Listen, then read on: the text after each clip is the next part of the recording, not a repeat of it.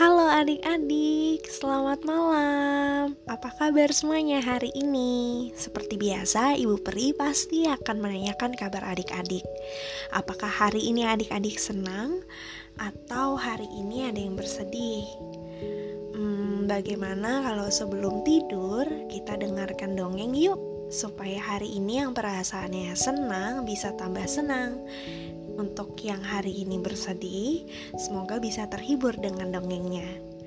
Hari ini kita akan mendengarkan dongeng tentang asal mula rumah siput. Apakah adik-adik tahu siput itu apa?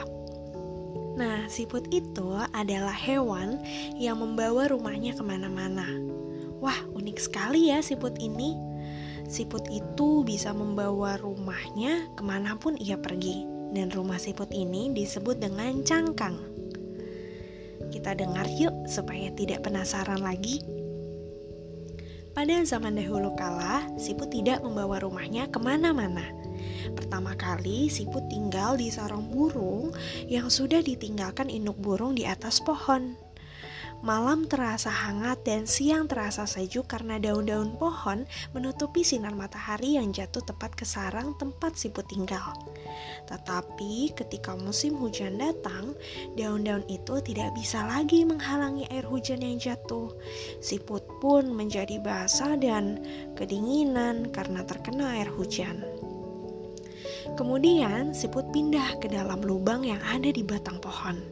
Jika hari panas, siput terlindungi dengan baik. Bahkan jika hujan turun, siput tidak akan basah dan kedinginan. Sepertinya aku menemukan rumah yang cocok untukku, gumam siput di dalam hati. Tetapi pada suatu hari yang cerah, ada burung pelatuk. Tok tok tok burung pelatuk terus mematuk batang pohon tempat rumah siput. Siput menjadi terganggu dan tidak bisa tidur. Dengan hati yang jengkel, siput turun dari lubang batang pohon dan mencari tempat tinggal lain. Nah, akhirnya siput menemukan sebuah lubang di tanah. Kelihatannya hangat jika malam datang, pikir siput. Siput pun membersihkan lubang tersebut dan memutuskan untuk tinggal di dalamnya. Tetapi ketika malam datang, tikus-tikus datang menggali dari segala arah dan merusak rumah siput. Apa mau dikata, siput pun lagi-lagi harus pergi meninggalkan lubang itu dan mencari tempat baru lainnya. Siput akhirnya berjalan dan berjalan. Akhirnya siput tiba di tepi pantai yang penuh dengan batu karang. Sepertinya sela-sela batu karang ini dapat menjadi rumahku, kata siput bersorak dengan senang. Aku bisa berlindung dari panas matahari dan hujan. Tidak akan ada burung pelatuk, tidak akan ada tikus-tikus. Aku pasti bisa tinggal dengan nyaman di sela-sela batu karang ini. Siput pun beristirahat dengan tenang. Tetapi ketika air laut pasang dan naik sampai ke atas batu karang, siput pun tersapu bersama dengan ombak. Aduh, capek sekali ya siput ini, lagi-lagi kehilangan rumah. Kemudian siput pun mencari lagi rumah baru. Ketika berjalan meninggalkan pantai, siput menemukan sebuah cangkang kosong. Bentuknya cantik dan sangat ringan. Karena lelah dan sudah kedinginan, siput pun masuk ke dalam cangkang itu. Siput merasa hangat dan nyaman, lalu tidur di dalamnya. Ketika pagi datang, siput, menyadari telah menemukan rumah yang terbaik baginya. Cangkang ini sangat cocok untuknya. Aku tidak perlu lagi cepat-cepat pulang jika hujan turun. Aku tidak kepanasan dan tidak akan ada yang menggangguku. Hah, aku akan membawa rumah ini ke mana pun aku pergi. Cerita tamat.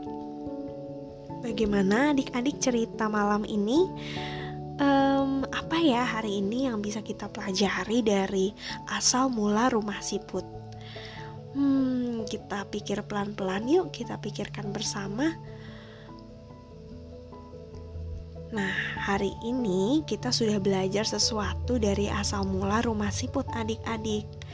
Kalau adik-adik perhatikan dari tadi, siput itu sibuk terus karena dia sulit sekali untuk menemukan tempat tinggal yang cocok. ya diganggu dengan burung pelatuk, kemudian diganggu dengan tikus, diganggu dengan ombak. Hah, melelahkan sekali ya. Tapi siput tidak pernah menyerah adik-adik. Dia terus berjalan untuk mencari solusi-solusi untuk menemukan rumah barunya. Dan akhirnya siput berhasil menemukan cangkang. Dan sekarang dia bisa membawa cangkangnya ke mana pun dia pergi. Nah, ayo kita belajar dari siput ya adik-adik supaya kita tidak pernah menyerah. Bagaimana hari ini senang tidak dengan dongengnya? Hari berikutnya kita akan mendengar dongeng lainnya ya. Hari ini cukup sampai sini saja. Adik-adik jangan lupa sebelum tidur gosok gigi dan cuci kaki. Semoga hari esok lebih menyenangkan ya daripada hari ini. Selamat mimpi indah adik-adik. Selamat malam.